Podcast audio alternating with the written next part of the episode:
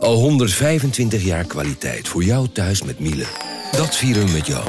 Ontvang nu tijdelijk een cashback tot 125 euro op veel Miele-apparatuur. Geniet van de kwaliteit van Miele. Voor perfect verzorgd wasgoed en kleding die veel langer mooi blijft. Voor een stralend schone vaat, even perfect als jouw diners. En een stofvrij thuis waarin echt hygiënisch schoon de standaard is. Check miele.nl voor alle feestelijke aanbiedingen. Hey podcastluisteraar. Ook op zoek naar een relevante invulling van je schaarse luisteruren? Tune dan in op de podcastserie ESG, even samengevat van BNP Paribas. Wij, Marloes en Aldert, spreken daar duurzame voorlopers en wereldverbeteraars.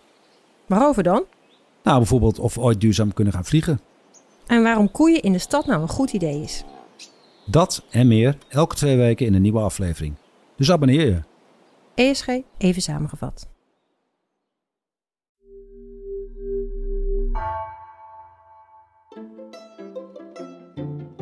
Welkom. Wij zijn Onbehaarde Apen. Dit is een podcast van NRC over wetenschap.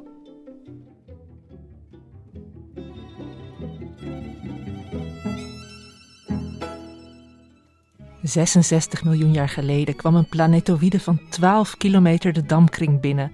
...en sloeg met een allesvernietigende kracht in op aarde. Die inslag zorgde voor het einde van het tijdperk van de dinosauriërs... ...maar luidde tegelijkertijd ook een nieuw begin in het Paleogeen, het tijdperk van de zoogdieren. Wat gebeurde er precies op de dag van de inslag en in de dagen erna? En, niet onbelangrijk, hoe weten we dit allemaal? Mijn naam is Gemma Venhuizen en ik zit hier vandaag met de apen van het allereerste uur, Lucas Brouwers en Hendrik Spiering. Welkom. Hallo. Hallo. We gaan het vandaag hebben over het einde van het krijt, maar ik wil er toch ook heel even bij stilstaan dat we in de studio een eigen einde van een tijdperk hebben. Lucas, vertel. Ja, uh, ik uh, stop bij de wetenschapsredactie van NRC. Ik, ik stap over naar de andere redactie. Uh, en dat betekent ook dat ik ga stoppen met het presenteren en maken van onbehaarde apen. dus dit is, dit is mijn laatste aflevering. Maar je gaat niet weg bij NRC, maar naar een andere redactie. Ja, precies. NRC. Dat is een oude NRC-traditie dat al die redacteuren de hele tijd overstappen van de ene naar de andere redactie. Ja, daar doe ik aan mee. Ja. Ja. Nou, ik ga er in ieder geval heel erg uh, van genieten dat wij nu op dit moment met z'n drieën in de studio zitten en het gaan hebben over die andere overgang, die van krijt naar paleogeen, wat vroeger tertiair werd genoemd. En dus het einde van het dino-tijdperk door de meteorietinslag. Ja, precies. Ik denk dat de meeste mensen hebben daar, uh, daarvan gehoord. Weet je, van als je uh, bijna in één adem, uh, als je het over de dino's hebt en waarom ze er niet meer zijn, dan komt die meteoriet, die verschijnt voor ons geestesoog, die zien we dan op de aarde knallen. En daarmee met dat dramatische einde, zeg maar, komt dan die, ja, die miljoenen jaren dat, dat, dat dino's de grote dieren waren op aarde, komt dan ineens tot een einde. En ja, dat, dat het blijft voor, mij bijna een, een magisch moment dat iets wat helemaal niet had hoeven gebeuren. Want heel veel processen op aarde, weet je wel, die zijn al heel erg lang gaande. Klimaat, dat gaat allemaal geleidelijk. Maar iets dat helemaal niet hoefde te gebeuren, namelijk een meteorietinslag. Uh, dat ja, een paar minuten verschil en het was misschien niet gebeurd. Nee, en dan, dan had je een, een heel ander verloop van de hele evolutie op aarde gehad. En dan hadden wij hier nu niet gezeten. Nee, dan stampt hier misschien nog uh, dino's rond in plaats van dat we naar Jurassic Park, wat is het nu, Jurassic World, wat in de bios bioscoop is. Ja, ik ga hem vanavond kijken. Ja. Nou, dan hadden we hier als podcast onbehaarde dino's uh, gezeten, ja, denk ik. maar die, die, die krater, die heeft altijd die moeilijk uitspreekbare naam waar ik me tong overbreek. De... Ik zeg uh, Chicxulub. Chicxulub krater. Uh, en dat is vlakbij het huidige Mexico. Ja, ja. Dus, dus dat ligt uh, bij het schiereiland uh, Yucatan. en nu ligt het half op het land, half onder water, de inslagkrater. Maar 66 miljoen jaar geleden was, dat, was dat zee. en, en sloeg je dus in het water in het, het, het leuke aan, aan de inslag vind ik dat uh, het is, uh, het, staat in de tekstboeken. En dan kun je er ook uh, vrij snel um, mee stoppen om erover na te denken. Oké, okay, helder verhaal, meteoriet, inslag, dino's dood. Rond verhaal. Maar als je daar nou dieper naar gaat kijken, eh, dan, dan verandert die inslag en wat er toen gebeurde ook de hele tijd. Het, het, het maakt heel erg uit vanuit welk perspectief je kijkt. En dat maakt het heel erg leuk. Het maakt uit, uit je, kunt er met een, een astronomische bril kun je er naar kijken. Een, een geoloog kijkt er weer heel anders naar. Een bioloog ook weer. En uh, uh, dan kom je erachter dat die inslag helemaal zo simpel nog niet is. Dat er allerlei vragen bij te stellen zijn. En het bijzondere is dat die vragen in dit geval ook op, met, met opvallend veel detail te beantwoorden zijn. Omdat het zo'n mondiale gebeurtenis is geweest, heeft het dus ook ja, hele specifieke sporen achtergelaten. Uh, dus het, het, het is een gebeurtenis waar we tegelijkertijd dus heel veel van weten. En tegelijkertijd nog heel veel vragen over kunnen blijven stellen. En dat maakt het een soort het Altijd is... voortdurende. Eh, ja, want ik, ik merk ook de afgelopen jaren hè, in alle grote bladen, Nature en Science, wordt nog steeds nieuw onderzoek gepubliceerd over die inslag. Ja, dus, dus het is een soort ja, toverbal, weet je wel, van die. die, ja, die, die, ik, ik zou er ook nog iets aan toe willen voegen. Dat uh, het is ook van een, een grote gebeurtenis in de wetenschapsgeschiedenis. Want het is namelijk bijzonder interessant dat we dat nu helemaal lijken te vergeten. Dat het eigenlijk pas in de jaren 80 en eigenlijk pas in de jaren 90 duidelijk werd dat dit de ondergang veroorzaakte. Want er waren wel vermoedens, maar er was een hele, echt decennia lang, eigenlijk altijd, dat ja, zoiets dat kan niet gebeuren en dat is eigenlijk uh, onmogelijk. En het hele idee dat een, een, een uh, meteoriet zoveel vernietigende kracht zou kunnen hebben, ja, dat is eigenlijk een recent inzicht. Het is zo interessant dat dat we dat nu allemaal normaal vinden. Maar dat, dat werd heel lang uh, weggelachen, dat idee. Nee, dus als je wil weten hoe de wetenschap eh, werkt, dan, ja. dan, dan is dit ook een prachtig voorbeeld. Dus, ja. dus het, het uh, uh, a gift that keeps on giving, deze, deze inslag eigenlijk nu later. en het is gewoon een lekkere knal. Natuurlijk. En het is gewoon een lekkere knal. Ja, want Lucas, jij zegt altijd zo mooi neem ons mee. Dat is een van de gevleugelde uitdrukkingen die ik door de jaren heen in de podcast regelmatig heb gehoord. En ik zou je nu willen vragen van neem ons mee naar die dag van de inslag. Wat gebeurde er toen? Ja, en dan, dan ga ik daar nog uh, ietsje voor zitten. Hè, dus de, de vooravond van uh, de inslag. Um, ik kan jullie vertellen dat dat 66,02 miljoen jaar geleden uh, is. Zo en, precies is het gedateerd. Welke maand? Nou ja, dat weten we dus ook. Komen we nog op terug, maar het was lente. Um, hoe ziet de wereld eruit? Uh, nou, de, de, de, dino's die veel mensen als eerste te binnen schieten als je ze vraagt naar dino's, dat zijn de T-Rex en Triceratops. En we hebben geluk, die twee zijn allebei ook in leven uh, op dit moment. En help even, die, die, die, die T-Rex is die enorme verscheurende gek met die grote kop en die kleine handjes. Zeker. En uh, die Triceratops, wat is dat? Dat is een, uh, een planteneter met een beetje een papegaaienbek en uh, drie horens en, en zo'n ja, een, een soort dat, nekschild. Ja, ja, dat schild. Oh ja, ja die zie ik ook voor me. Ja. En, en dit zijn Noord-Amerikaanse dino's. dus, dus die kun je vinden op het, het, het Noord-Amerikaanse continent eigenlijk. Um, en kijk, het dino-tijdperk duurde heel erg lang, van het trias tot aan het krijt. En dan heb je het over honderden miljoenen jaren. Dus heel veel van die dino's die in onze plakboekjes naast elkaar uh, staan, hebben helemaal niet samen geleefd. Dus dat tijdperk van de dino's duurde langer dan dat ze nu zijn uitgestorven. Ja, zeker. Dus, dus uh, de, de, het heeft heel erg lang. Het heeft echt heel erg lang geduurd, ja. En um, uh, dus, dus, dus T-Rex en uh, Triceratops kunnen we vinden. Um, hier in Nederland, Europa is, is een, een, soort ondiepe tropische zee. daar kun je Mosasaurus vinden, waar jij een hele fijne aflevering over hebt gemaakt, Gemma. Die, die, die is dan ook nog alive en kicking. Ja, het zeereptiel, ja. En in de zeeën vind je niet zoveel uh, uh, inktvissen en octopussen, maar uh, ammonieten. die zijn er ook nog op de vooravond van de inslag. En de ammonieten zijn, zijn opgerolde toeters, toch? Ja, dus dat zijn van die hele mooi gekrulde schelpen hebben ze. Maar daaronder zit dus een octopusachtig beest met tentakels en ogen. Dus het is eigenlijk een, ja, als je een octopus met een, met een, met een, met een slakkenschelp op zijn kop, dat is een, een beetje een, een ammoniet. Ja, en ook leuk, je kon, heel klein en heel groot kwamen die ammonieten altijd voor, toch? Of... Ja, zeker. En, en, en allerlei vormen en maten. Dus je had er met, met, met rechte schelpen en gekromde. Ehm, Oké, ter land en ter zee. En wat zit er in de lucht? ja, in de lucht. eh, eh, de voorouders van de vogels, die, die, die zijn er ook al. En die hebben ook al het luchtruim gekozen. Maar wat je er nog meer vindt, dat zijn de pterosauriërs. En dat zijn geen dino's. eh en, en, en ja, een hagedisse reptiele afstamming, maar een eigen evolutionaire lijn. Ehm, en, en die zitten ook op een heel interessant punt in een evolutie. Er, er, zijn eh, eh, reusachtige pterosauriërs, onder andere in, eh, ook in Europa zou je die kunnen vinden. Ehm, die ze, als, ze, als ze op de grond staan, zo groot als een giraf zijn. Dat is echt Zo. niet, niet om voor te stellen met, met, met, met van meters. Weet dus je, van- groter dan de grootste vogel ook. ja, zeker. Heel veel groter. Dus dat, dat is wel een thema. De, de grootste dieren waren wel groter daar. en nou ja, als je onze voorouders wil vinden, dan, ja, dan, moet, je goed, eh, dan moet je goed op de bodem kijken. En tussen, tussen, de, tussen de bomen. eh, eh, misschien klommen ze wel in bomen. Maar de zoogdieren zijn dan op dat moment klein. die hebben een, een soort. Ja, die, die, die, die, die- dat is bodemleven. Dat, wordt dat zeg altijd maar- een beetje genoemd als ratachtig.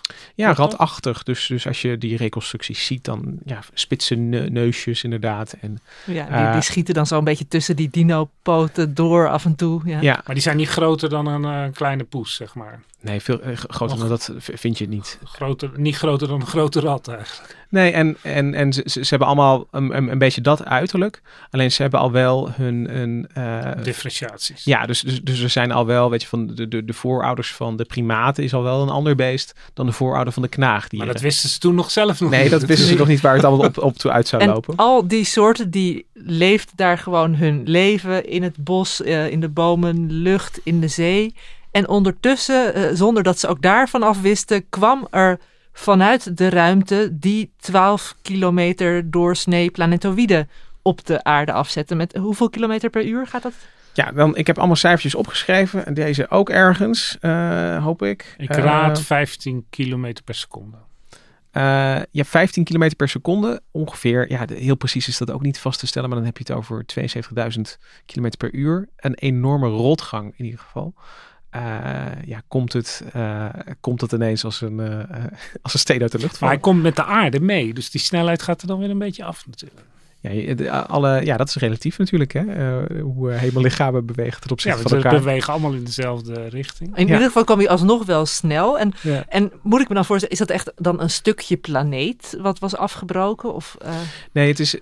En, en Hendrik gaat me hier een beetje bij helpen, want astronomisch Ja, ben zijn- wat beter het- onderlegd. Maar er, er, er, er zwerfde van, alles, van allerlei planetoïden nog gewoon door ons zonnestelsel. Ja, nog steeds. En, maar het, ze hebben volgens mij eh, met vrij grote zekerheid achterhaald dat hij uit de planetoïde gordel komt. Dus tussen Mars en, eh, en eh, Jupiter. En het is geen komeet, want die komen van verder weg. En die komen dan ook veel harder. En eh, dus ja, het is eigenlijk een, een, een standaard planetoïde. En sommige die raken dan een beetje op drift. De meeste blijven keurig in hun baan. En deze die is dus zeg maar van de orde van 10 kilometer. Daar zijn er ongeveer 10.000 van in die gordel. En het is natuurlijk enorm groot. En je moet, het, je moet je voorstellen dat dat de totale volume van die rotsblokken die daar zitten, van 1 meter tot doorsnee 1000 kilometer volgens mij. Er zijn een paar heel groot. Die, dat is, de totale eh, massa is een paar procent van de massa van de maan. Ja, Dus we hebben het wel over relatief klein. En 10 kilometer is natuurlijk kosmisch heel weinig. Maar maar Met enorme gevolgen, genoeg. ja. dat, want hè, hij komt dichterbij, hij komt dichterbij. Op een gegeven moment komt die dan door de dampkring binnenzetten. Eh, is dat dan ook ter hoogte van het huidige Mexico ongeveer? Ja, de, de, de, de hoek van de inslag is, eh, is, is gereconstrueerd. Hij komt, eh, hij, hij komt niet zeg maar recht uit de hemel, loodrecht op de aarde. Hij komt, ja, de, de precieze hoek, hou me te goede maar, 45 graden zeg maar. Dus, dus vrij diagonaal. Komt hij op de aarde af. En ook, hou me te goede maar, volgens mij uit het noordoosten. Ja, en je ziet wel eens van die artist impressions, hè, dat er dan dino's opkijken naar de hemel en een soort vuurbal zien. Is dat, eh, is dat levensecht? Zou het zo gegaan zijn? Dat, dat zij hun einde wel echt konden zien naderen? je ziet het in die, die zin niet zo. Kijk, op het moment dat je de dampkring binnen gaat, dan gaat het zo hard. Weet je, van dat, dat is niet iets wat je. nee, wacht even. Want hij komt natuurlijk onder een hoek. Dus dan uh, met de natte vinger 10 à 20 seconden uh, maakt hij een streep uh, door de hemel. Dus dan, dan, heb je wel kans dat je wat kan zien. Ja, dat moet je gezien Want hebben. hij laat wel een flinke streep achter, denk ik. Ja. ja. En vervolgens verdween die in het water in de Golf van Mexico. En toen, ik bedoel, was er een, een grote opspatting van water. Wat, wat, wat moet ik me er... Ja, dat is een ja. statement. Ja, nee, maar... Nee, maar er- er verdampt natuurlijk eh, meteen al van alles. We hebben het echt over, over vaporiseren. Weet je, het, het, het water daaronder is, is kansloos, zou ik willen zeggen. En, en niet alleen het water, maar ook het, het, het gesteente daaronder. Er, worden vergelijkingen gemaakt met ik weet niet hoeveel eh, kernbommen altijd. Maar het, het, het is zo'n... eh, eh, er- er- er zit zoveel massa achter, dus zoveel energie. En, en het eerste wat er is, is gebeurd, dat je dus een soort ja, de, een, een, een pluim krijgt van ja, verdampend materiaal. Een, een combinatie van gesteente en van, eh, eh, van, van eh, uit de meteoriet zelf, maar ook uit de aarde. Ehm, wat er gebeurt is dat er ook gewoon letterlijk gesteente weg schiet. Hè, dus dus, dus het, het, de, de, de, het gesteente dat niet meteen vaporiseert, wordt door de inslag wel omhoog gejaagd. Ja, dat is echt die impact die zorgt ervoor dat er van alles opspat. Ja, precies. Ja, in theorie kan er dus ook een stuk van de aarde er weer de ruimte ingeslagen Zeker. zijn. En zelfs, er is altijd zo'n verhaal dat er dan ook een dino de ruimte in is geslagen. Die daar dus nog rondzweeft. eh. Dat zou wel een mooie ontdekking zijn. Ja. Ja, dus de, dus de officiële term daarvoor is ejecta, zeg maar, van, van alles wat, wat nog Ja. geëjecteerd wordt. En, en sommige daarvan bereiken dus inderdaad eh, ontsnappingssnelheid. Dus die, die, die, eh, die, die, die- ja, die verlaten de aarde. ja, eh, zoals weer. wij ook meteorieten van Mars hebben natuurlijk. Ja. Ja, dat is gigantisch toch? Dan kun je, als je dit echt levendig Ja, voorstelt, het is, het dat is de je dit... hardste knal in eh 3 miljard jaar, denk ik. Ja, En eh, eh, wat er dus gebeurt is dat een deel van dat materiaal komt dus ook wel weer terug naar beneden. Dus dan krijg je eigenlijk een, een, een soort ja, nieuwe regen van, eh, eh, van, van materiaal die ook weer naar beneden eh, komt. ja, dus dat gaat eerst dan eh, misschien wel kilometers hoog omhoog en daarna regent het weer terug Ja. op de aarde. Ja, En- dan, kijken die, die, die, dan kijken die dino's wel. En- En dit is allemaal, praten we dan nog op een schaal van minuten? Of, of, of, of is dat Eh, niet dus seconden en minuten. Zo. Dus zo, zo snel, eh, eh, zo, zo snel gaat het. En, en wat het gesteente daaronder doet, ehm, is, is net als je een. een eh, het, het, het, het gesteente wordt onder deze kracht eigenlijk even als een, een viskeuze vloeistof. Ja, want het wordt ook heel warm natuurlijk. Het wordt, het, het wordt heel warm. En, en wat je krijgt is net als een druppel die in een emmer valt. En dan zie je soms nog dat die, dat die druppel, zeg maar. Ja, dat, dat, dat, weer omhoog komt. maar dat, daar zit ook wel, wel wat materiaal uit de emmer al in bij. Maar dat, dat gebeurt dus hier dus ook. Dat het gesteente dus ook weer een beetje eh, opspat eigenlijk. En die, die ringen die je krijgt als je een druppel in een emmer laat vallen, die, die, die krijg je ook een... en Het, golft ook. Dus, dus je krijgt een, uiteindelijk een inslagkrater. ehm, met de vorm die die, ehm, eh, die, die kraterkenners dan als een, een, een peak ring eh, noemen. En dat is dus een kleine bobbel in het midden van ja, eigenlijk dat opspattende gesteente dus. Eh, en daar een, een ring van heuvels eh, eh, omheen. Ja, En zo is- zie je het ook op de maan. En is die nu helemaal nu verborgen tegenwoordig weer onder die golf van Mexico? Ligt die helemaal onder water? Of Hij ligt nu half onder water. Ehm, en eh, ja, daar, daar is natuurlijk alweer allerlei sediment eh, eh, op afgezet. Onder andere van, van alles wat er, wat er toen de lucht is ingeblazen. ja, dat, Want er is, niks, er is niks meer te zien.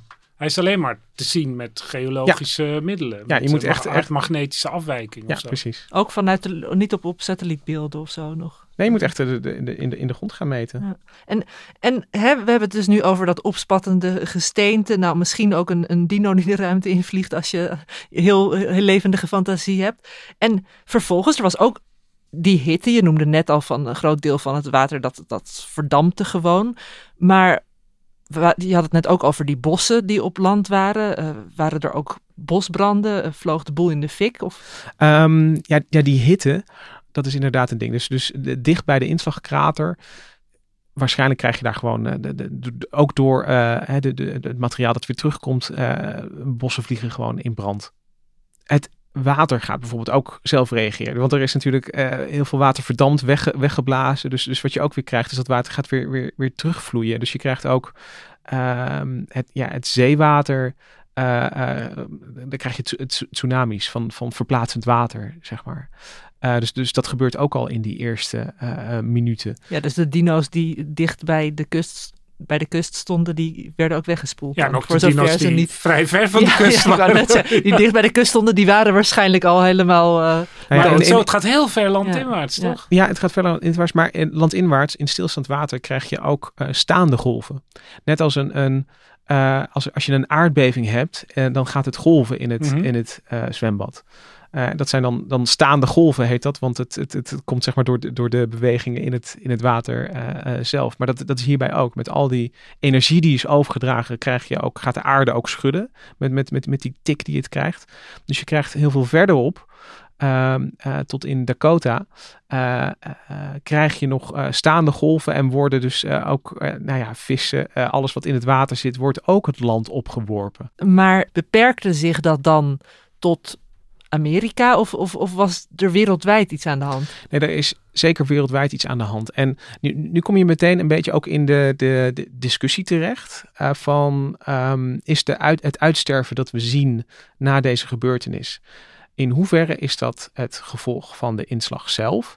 En in hoeverre zijn dat de gevolgen van eh, systemen en processen die uit het lood eh, slaan en op verschillende tijdschalen zich afspelen? Ja, dus dan laten we eigenlijk die minuten na de impact laten we los. En dan, Ja, en, maar je kunt het wel hebben over de eerste dag. Ehm, wat je hebt is enorm veel gruis, eh, stof, eh, roet van de bosbranden in de atmosfeer. Ehm, er is een idee dat de, de infraroodstraling die dan gewoon uit de lucht komt, van, van al dat hete materiaal, eh, dat, dat die gewoon ontzettend intens is.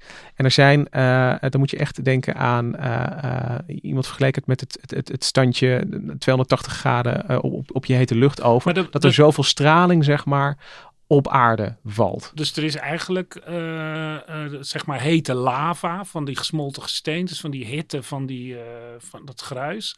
Dat straalt dan terug naar de aarde en Ja. steekt dan acuut allerlei droge grassen in de fik. Of zo. Precies, dat, dat kan droge bladeren kunnen daar spontaan in ontbranden. Dus, ehm, en ook eh, dieren die dan onbeschut zouden zijn, Die gaan dan ook dood. die gaan dan ook Ja, dood. want we hebben het nog niet eens gehad over de echte sterfte. Ik bedoel, Nee, dus dat, daar gaan we zeker. Dat, dat, dat is een apart. eh, dat is een, een aparte wetenschap op zich bijna. Van, van wat ging er wanneer dood en waardoor.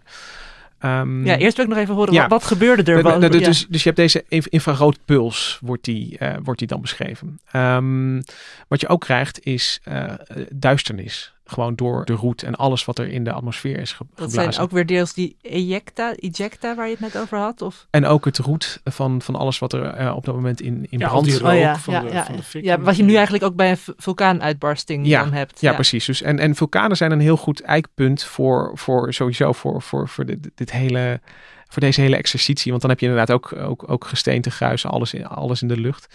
Maar, maar het, het, het- het gaat over een duisternis eh, en, eh, die, ook schattingen weer, modellen, eh, die tien jaar aan tien jaar. kan houden. Ja, Dus tien jaar dat eh, als de overdag eh, dat je de zon niet ziet. dat je de zon niet ziet. Weet je, van, van dan, dan eh, eh, ja, hoe moet je dat voorstellen? Ja, misschien een, een hele zwaar bewolkte eh, eh, Ja, een dag. Weet je, dan krijg je Ja. echt een winterdepressie van, heb ik jou daar. Ik denk dat wij ons dat niet kunnen voorstellen. Nee. Dat, dat, wat En- dat En dat heeft ook te maken met de, de, de, de, de plek waar het insloeg. Eh dat, dat was zwavelhoudend gesteente.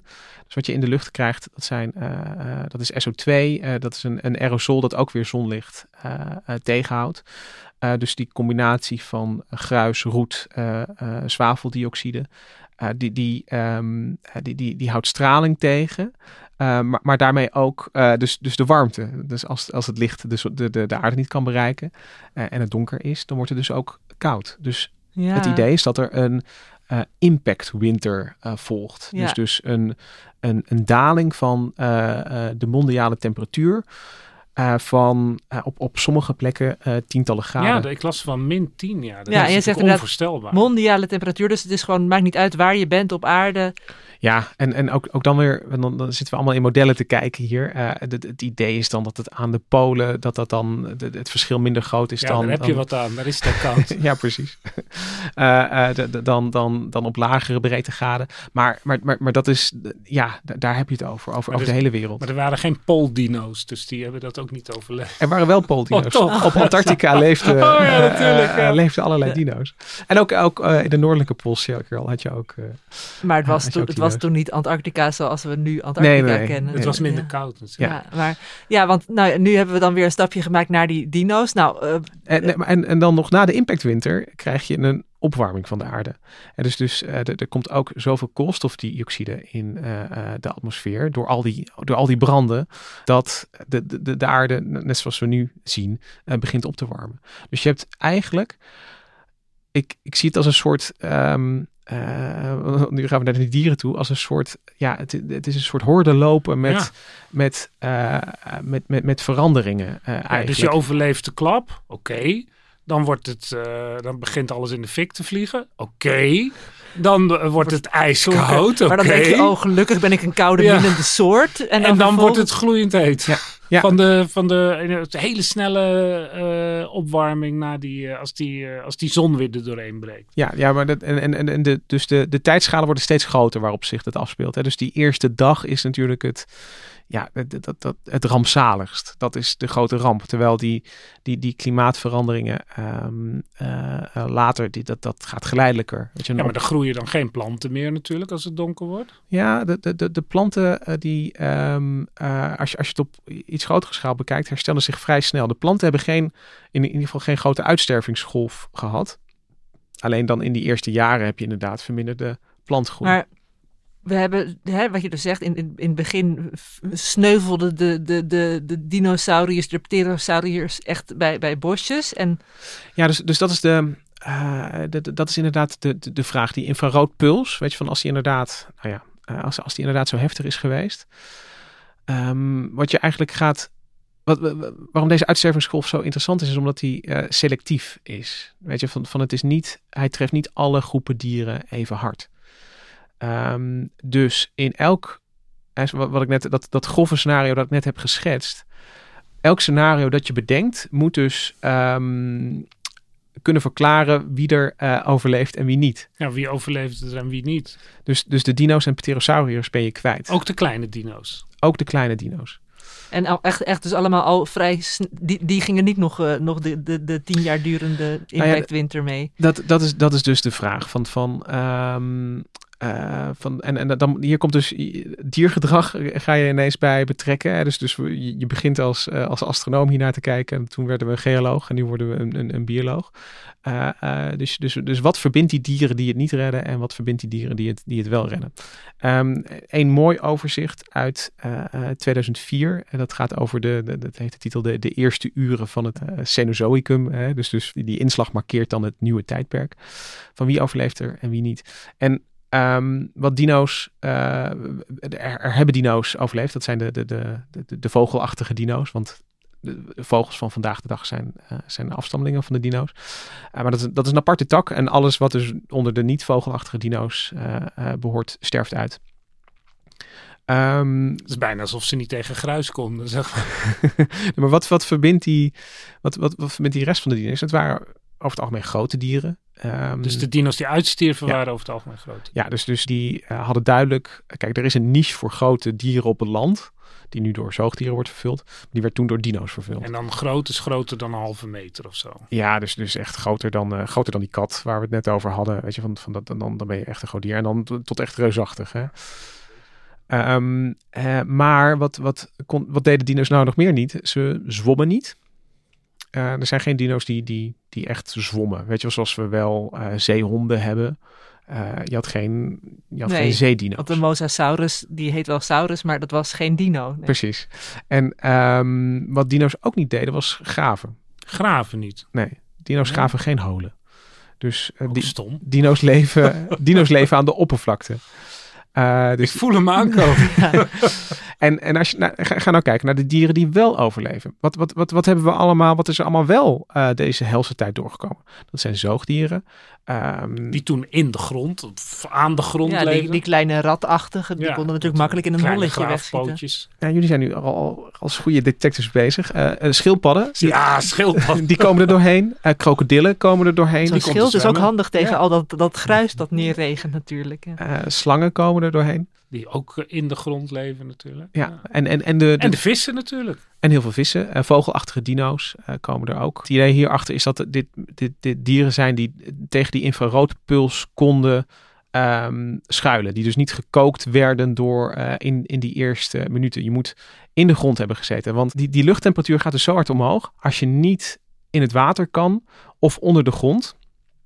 Uh, dan, dan uh, word, je, word, je, je, je, word je gewoon gekookt. Door, Worden je longen verbrand eigenlijk? Ja, je, je kunt niet meer ademhalen. Dus, dus, alsof je dus in een brandend huis zit, dat idee. Alsof maar je, is wel iets Nee, nee, alsof, alsof je in een hete lucht over zit. Ja, He, dus, ja, dus, dat dus, zit dus, nooit. geen, Nee, geen, geen rook. Nou, la- laat het ook maar. Staat Nee, maar- nee, maar het is- op ga hier niet in zitten. Nee, maar als je, als je, daar, als je daarin zou ademen, die, die, die lucht verschroeit je membranen van, van, je, van je ademhalingssysteem, ongeacht wat het is. Ehm, maar, maar vlak onder de grond, weet je, wel, zo, zo werkt het ook wel weer. Eh, eh, en, en dan voor, een holletje van 10 centimeter onder de grond is al genoeg om je daartegen te beschermen. Want aarde is een hele goede isolator. Ehm, en, en, en op die manier heb je dat met het water. Kijk, heel veel water aan de bovenkant zal ook verdampen door, door deze infraroodstraling. Maar dat is, het, dat is het bovenste laagje. Dus als je eventjes, stel je moet even lucht happen, dan kan dat als je daarna weer onder water Maar gaat. dan heb ik wel een vraag over die ammonieten die je net noemde. Want die zien we tegenwoordig ook niet meer. Nee, dus, dus ehm, eh, je, je, je, je moet in je. we hebben het nu over de, over de landdieren. En dus, dus wat er op het, het- land gebeurde. Hè, dus dus eh, krokodillen en, en de schildpadden en zo. Dus, dus, dus voor de zeeën moet je ook weer naar andere scenario's uitwijken. Maar dan, dan nog één dingetje over, die, eh, over wat er op het land eh, gebeurde. Heel veel zoogdieren eh, die hebben ook, ook nu nog, mierenegels bijvoorbeeld, ja, gedrag dat ook helpt bij bosbranden. Weet je, dan, dan gaan ze ook vaak in een holletje zitten. Hè? Dus, dus, dus ehm, als je niet, in Australië, Ja. als, je, als je niet kan wegrennen voor de brand, dan ga je onder de grond.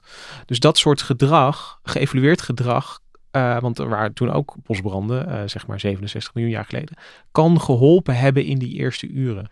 Ja, en daarmee eh, breng je ons op een hele mooie manier bij die volgende vraag van... Hoe weten we dit allemaal zo precies? Het is zo lang geleden heeft het plaatsgevonden. En tegelijkertijd, zoals jij het vertelt, zie ik het ontzettend beeldend voor me. Ehm, hoe is het mogelijk om dat te achterhalen? het idee meteoriet op, op, op aarde en, en uitstervingsgolf eh, veroorzakend, dat, dat, dat is al een, een idee dat je moet eh, eh, ont- ontwikkelen eigenlijk, van, van, van kan dat. En eigenlijk weten we pas met, door, de- door de hele maanexploratie, die, die kraters op de maan werd, werd nog vaak gedacht dat waren sporen van vulkanisme, Ja. totdat je er goed naar gaat kijken en, en die monsters Het analyseert. is heel lang werd het gewoon niet voor mogelijk gehouden. Nee, dus, dus, dus en ineens keken we anders naar die maan. Van oké, dus die is helemaal eh, eh, bekogeld, be- bepokt en bemazeld met, met meteorietinslagen. En als dat de maan is overkomen, moet ons dat ook zijn overkomen. Alleen zien we er niet zoveel van, omdat de aarde zichzelf zeg maar verjongt met, met al die tektonische platen. Dus, dus, dus, eh, de- dus dat is een idee eigenlijk uit de jaren ja, 60, 70 zeg maar. Dat, dat, minstens, eh, nou, denk, het drong pas heel langzaam door. Uiteindelijk is het een, een gek genoeg foto's van de Hubble, eigenlijk al nadat deze krater eh, is ontdekt, werd er een inslag van een komeet op Jupiter perfect gefilmd door de Hubble-telescoop. En toen pas zag, ieder, zag iedereen voor zijn ogen wat en het enorme geweld van de, die atmosfeer van Jupiter, die barstte open, al die dingen erin. Echt, En wanneer was de Hubble ja, ook jaren negentig is Oh ja, dat. Maar toen was er al wel een en ander. eh, Ja, Ja, maar dat- toch was die, die dat, dat brak zeg maar het verzet.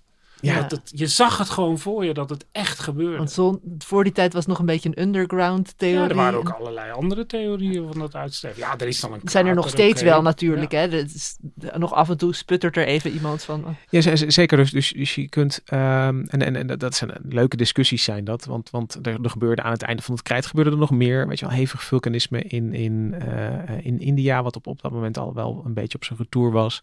Maar, maar er, er gebeurde van alles. Dus, dus eerst eh, een idee in de wetenschap moet altijd, zeg maar, aan kracht winnen. En je moet met, met, met bewijzen komen. En weet je, de, de, de inslagtheorie die won in de jaren tachtig echt eh, aan kracht. Want ehm, onafhankelijk eh, zijn er eigenlijk eh, geologen en die vinden een, een laagje over de hele aarde met een afwijkende samenstelling. En die samenstelling die wijkt zo af van, van waar de aarde uit is opgebouwd, de aardkorst, dat de enige um, bron kan een, een buitenaardse zijn. En er zijn twee namen, twee hier eigenlijk belangrijk in. Dat zijn de vader en zoon Alvarez, Louis en Walter Alvarez. En waarbij Louis Alvarez ook een Nobelprijswinnaar natuurkunde was. Uh, zijn naam wordt internationaal, hun, hun, namen worden internationaal eigenlijk aan deze ontdekking uh, uh, beschreven. Maar Jan Smit, een geoloog verbonden aan de VU, emeritus geoloog. Ik heb nog les van hem gehad. Ja, um, die, die, heeft hier eigenlijk ook aan bijgedragen. En ik heb Jan Smit daar ook even over gesproken. En dat vond ik wel weer treffend. Hij vertelde hoe hij eigenlijk in Spanje was hij veldwerk aan het doen. en de vraag waarmee hij zat is waarom sterft, sterven foraminiferen, dat, zijn, dat is plankton, uit uh, op die plek, weet je, van, van daar, daar in het krijt zitten ze er nog. En dan uh, kijk je in de jongste lagen van het Paleogeen en dan zijn ze weg. Um, en, en de tweede stap waar, daarin was om preciezer te gaan kijken naar dat laagje. Uh, potlood noemt Jan Smit het dat die twee werelden eigenlijk van elkaar scheidt. En dat, dat gebeurt dus met, gebeurde in Delft, in de experimentele kernreactor. Uh, kun je dus de, de, materialen weer even, zeg maar, helemaal aanjagen, aanstralen, radioactief maken. Dan gaan, dan gaan die elementen weer vervallen. En doordat er dan, wat er dan wordt uitgestraald, kun je dus de samenstelling van zo'n laagje weer Want bekijken. Was er toen al wel vermoeden van, oh, dit is misschien iets onaard? Nee, zoals uh, voor Jan Smit niet. Jan Smit zegt, ik was naar alles op zoek. Ik, was op, ik, ik, ik wilde er gewoon alles over weten. Dus eigenlijk vrij onbevangen. En, en op een gegeven moment ontstaat er, zo gaat het ook wel weer, binnen de, de, de, de wetenschappelijke gemeenschap wel een idee van misschien is dat een inslag. Dus hij hoorde daar wel over op, uh, op uh, congressen. Maar hij zei ook van, ja, wat, die, wat die kosmische bron dat was geweest, dat, dat, daar had hij nog niet hele concrete ideeën over. Hij dacht ook nog aan een supernova zelf. Dat zegt dus ook wel iets over hoe onwaarschijnlijk eigenlijk zo'n inslag werd geacht. Ja, dus, dus, dus uh, überhaupt al dat je naar een bron van buiten kijkt. Hè, dus niet een, een nou ja, niet, niet, niet vulkanisme of zo, maar dat, dat kon dus ook een, een nou voor, voor, voor, zijn part een supernova zijn geweest. Dus een, een naburige ster die ontploft en bijvoorbeeld hier allemaal materiaal naartoe blaast. Maar wat vonden ze dan in die kerncentrale? De, uh, daar vonden ze uh, nikkel en uh, nog een ander me metaal in, in, in zo'n mate dat, dat, het, dat het onwaarschijnlijk was. En dat was wel, uh, dat was wel een belangrijke aanwijzing. Maar vader en zoon Alvarez die uh, tonen iridium aan. En uh, iridium is zo duidelijk een buitenaards element. Dat, dat, dat komt echt, nou ja, dat, dat vind je bijna niet. En zij waren ook heel specifiek bezig aan het idee van een inslag.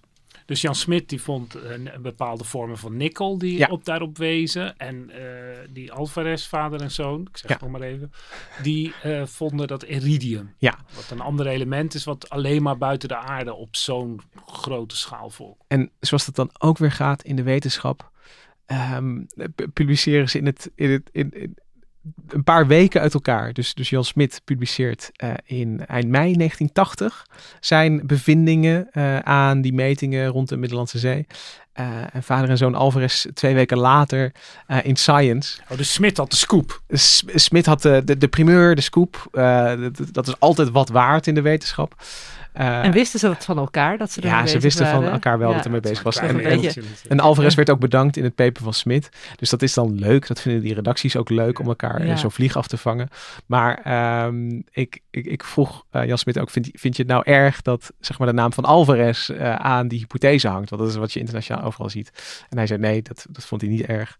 Want zij waren er dus heel specifiek naar op zoek. Hij, nou ja, heeft er heel veel, veel weet je, op zijn, hij heeft er ook hij heeft er ook aan bijgedragen. Hij heeft zoveel andere dingen ja, ook maar, ontdekt, maar die Alvarez alleen maar, En, en uh, ze hebben uh, uh, allebei nu nog een Walter Alvarez en Jan Smit een huisje in, het, in Italië, in hetzelfde dorp. Oh, en dus, dus oh, dan gaan ze samen paddenstoelen zoeken, want ik weet dat hij van paddenstoelen houdt. Ja. Dan gooien ze stenen naar elkaar. nee, dus, dus, dus, dus, dat is geen, oh, dat is, dat is geen kinderzinnen. En, en goed, toen hadden ze dus dat, dat iridiumlaagje, maar op dat moment was er over dat schiereiland Yucatan of over de Chicxulub. over de Chicxulub krater was nog niks bekend. Nee, nee was, dat, vind ik zo leuk. Dat was, ze zagen, er was niks te zien. Alleen maar door, waarschijnlijk, uh, het zal wel in verband met olievondsten natuurlijk, hebben ze daar heel goed geologisch onderzoek gedaan. En op een gegeven moment zagen ze, hé, hey, wacht eens even, als je al die foto's tegen elkaar aanlegt van een rare aardmagnetische afwijking. Uit mijn hoofd gezegd is dat het rond 1990, dus tien jaar daarna pas. En dan begint langzaam in te dalen dat daar wel eens een enorme meteoriet kan zijn ingeslagen. Want die, je vindt dan wel al dat stof, maar ja, waar komt dat vandaan? Het zal wel een meteoriet zijn, maar hoe zit dat dan? En hoe stel je dat dan vast? Dat je... Nou, je ziet die krater liggen in, het, in de afwijking van het aardmagneet. Dan moet je gaan boren natuurlijk. En dat hebben ze gedaan. Uh, daar is Jan Smit ook bij betrokken geweest. Dus ze zijn uh, teruggegaan. In, in, uh, daar, in, in, in 2016 is er een grote expeditie geweest. hebben ze geboord in die krater. En dan krijg je dus een mooie boorkern. Waarin je ook nou ja, het, het, echt op de plek zelf, zeg maar, ook weer van minuut, minuut tot jaar na jaar weer kan volgen. dan zit je kilometers diep natuurlijk. Ja. Maar 2016 is echt nog maar zes jaar geleden. Dus dat is nog dat ongoing research. Dat er steeds nog weer nieuwe inzichten en steeds nog, nog ontbrekende puzzelstukjes eigenlijk worden ingevuld. En begin dit jaar stond er weer Nederlands onderzoek in Nature. Ja, jij hebt er zelf over geschreven, dus ik, ik, ik heb een beetje het gevoel alsof ik nu examen ga doen. Ja, heb je goed gelezen wat ik heb geschreven, Lucas? Ja, ja ik heb het er even op nagezocht. Nee, uh, het inzicht dat de, de, de inslag gebeurde toen het lente was op het noordelijk halfrond. En uh, dat is ook onderzoek geweest van een Nederlandse onderzoeker, van Melanie During. Een uh, hele leuke jonge uh, paleontoloog. Um, zij heeft dit als masterstudent gedaan. Masterstudent, ja. Zo. Jan Smit was ook een masterstudent toen hij uh, bezig was in uh, Spanje. Um, en uh, om het even aan elkaar te knopen. In 2017 zat Melanie During bij een lezing van Jan Smit te kijken. Die kreeg een erepenning voor het een of het ander. En die liet toen pla plaatjes zien van een site die heet Tanis in Dakota. En daar liggen, wat je daar ziet, is, is een, een, ja, een soort ja, massakerkhof van, van vissen en ander aangespoeld materiaal. En het idee is, dit is uh, in de, de, de, uren na de inslag, uh, is, dit door, is dit, deze rivier door zo'n staande golf, zeg maar, leeggespoeld. Um, en in de kieuwen van die vissen kun je uh, tektieten vinden. Dat zijn zeg maar van kleine verglaasde uh, stukjes. Uh, van, van, van de inslag van al dat hete. ja, maar, een tektiet is een soort inslagkraaltje, mag ik ja, het zo ik noemen? Vond, ik vond inderdaad die, die, die glasbolletjes die je omschreef. Ja. ja. En dus, dus die vissen hebben dat al, zeg maar, dat is al in hun kieuwen terechtgekomen. Dus dat zat al in het water. nog. Toen Ja. leefden ze nog, maar ze, ze zijn daar duidelijk aangespoeld. Um, en, en zijn dus eigenlijk een archief van, ja, van, die eerste momenten na de inslag.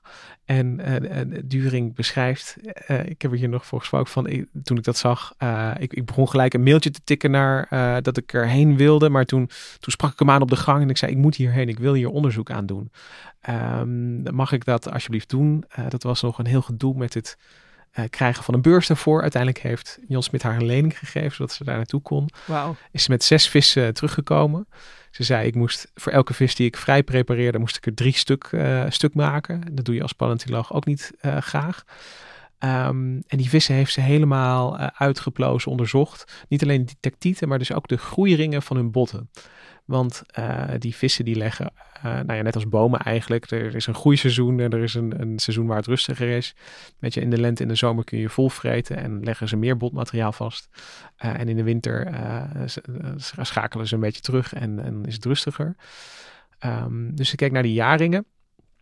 En ook naar de, de chemische samenstelling van die, van die ringen. En dan kon ze ook echt aantonen dat, dat, dat die vissen minder koolstof aan het eten waren. Dat was een koolstofisotopenonderzoek. Ze, ze, waren net weer uit hun, uit, uit, uit een fase van rust gekomen. En ze, er, er werd weer net koolstof aangelegd. En toen spoelden ze daar op die, uh, die rivier. Ze waren net weer op gang. Ja. ja, maar het grappige vond ik dus wel, want ik dacht ook van dan kun je vast ook wel zeggen of het werk van maart of april was. Maar de seizoenen waren toen wel iets anders. Uh, ja. hè, van, van, vanwege de aardbanen die destijds ook. Ja, ja je, je kunt wel zeggen dat het seizoenaal was. Dus dat je een, een, een lente, zomer, winter dynamiek had. En, en, maar maar het, het, is geen. Ja, het is geen, ze hadden geen kalender bij zich. Je ziet, het, het, was voorjaar. Ik, ik zit ook even terug te denken aan het begin, Lucas. Jij had het net hè, over eigenlijk die, die toevalligheid van die meteoriet. Of die dan net wel of net niet de aarde raakt en wat het voor gevolgen heeft. En dat is in de wetenschap natuurlijk ook zo vaak. Dat eh, als Melanie toen niet naar Jan Smit uh, was toegelopen van ik moet daarheen. En als Jan Smit er geen lening had gegeven. Dan hadden we nu ook nog steeds niet geweten dat het in het voorjaar was gebeurd. Het is een combinatie, want weet je, dat idee van, van, van inslagkraters hangt dus in de lucht. En wordt er dus door verschillende onderzoekers wel uitgeplukt. Maar ja, hoe ze daartoe komen, dat is dan wel weer ja, met hun eigen particuliere uh, aanvliegroute. En, en dat ze daar op het juiste moment veldwerk doen. Ja, dat, dat is een. een uh, ja, zo, zo, zo ontstaat kennis. Weet je, van, van, van je, je praat met elkaar. Je, ja. je ontwikkelt ideeën. En, en, en die foraminiferen die je.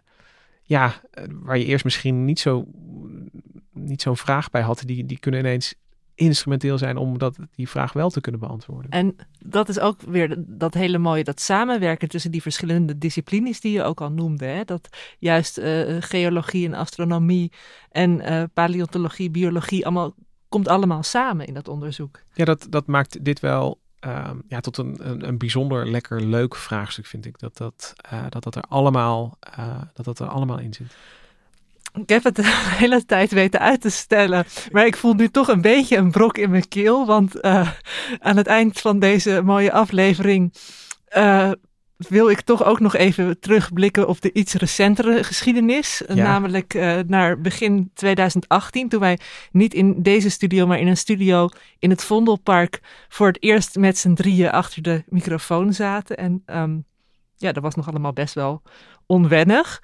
Um, maar ik heb onze uh, producer Rosa uh, gevraagd of zij even wilde terugsnuffelen in het archief. En oh nee, ja. Is er een we, archief? Ja, of we heel even een klein stukje van die allereerste pilot nog kunnen luisteren. Zijn jullie er klaar voor? Ja, dat, die is ook uitgezonden destijds. Hè. Die, die is nog integraal terug te luisteren voor de liefhebber. Oh, de nul aflevering. De, de nul aflevering, ja. Dat, uh... oh, met de verkeerde tune. Ja. Welkom. Wij zijn Onbehaarde Apen. Dit is een podcast van NRC over wetenschap. Maar ik gebruik hetzelfde zinnetje. Ja, dat was keer goed. intonatie. Welkom bij de allereerste aflevering van NRC's Onbehaarde Apen. Mijn naam is Lucas Brouwers. Ik ben biologie-redacteur bij NRC. En naast mij zit Hendrik Spiering. Hoi Hendrik.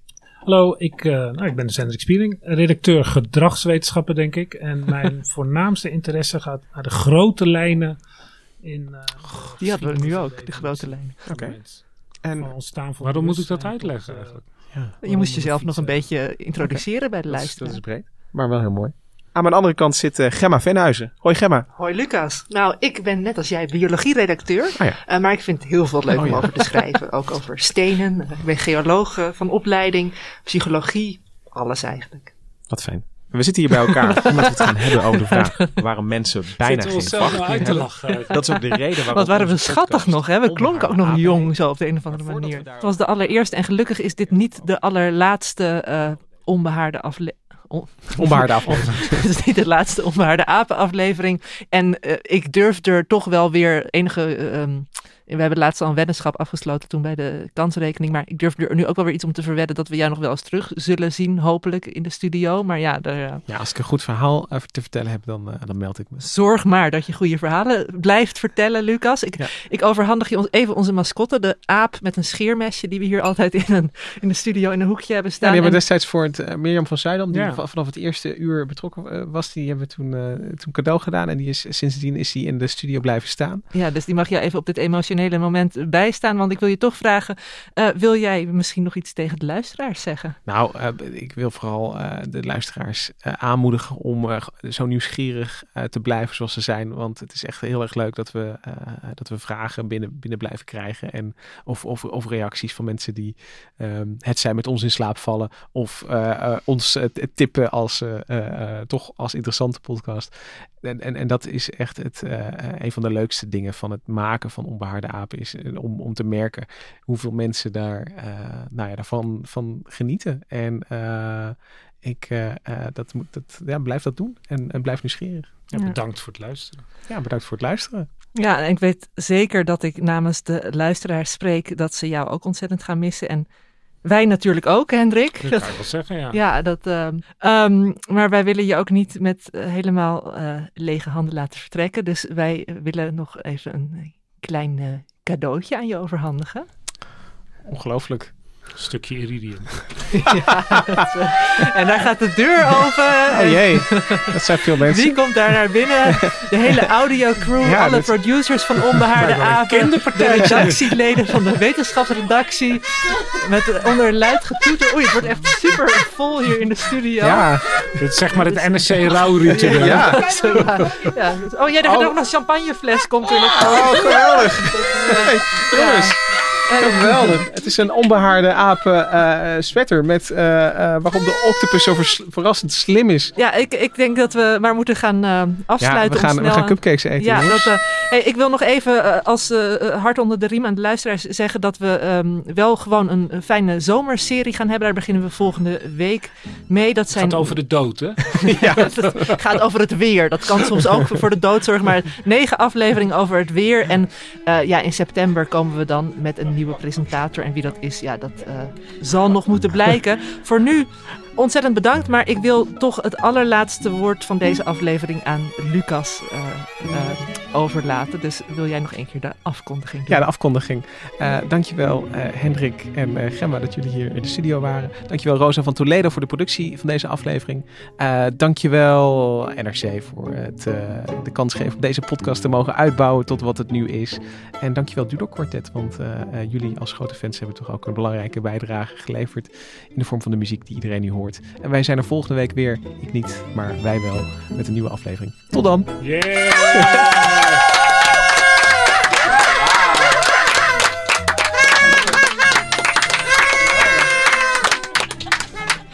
Nou, laat die laatste dino's ook nog maar uitsterven door hun kop af te bijten. Ja.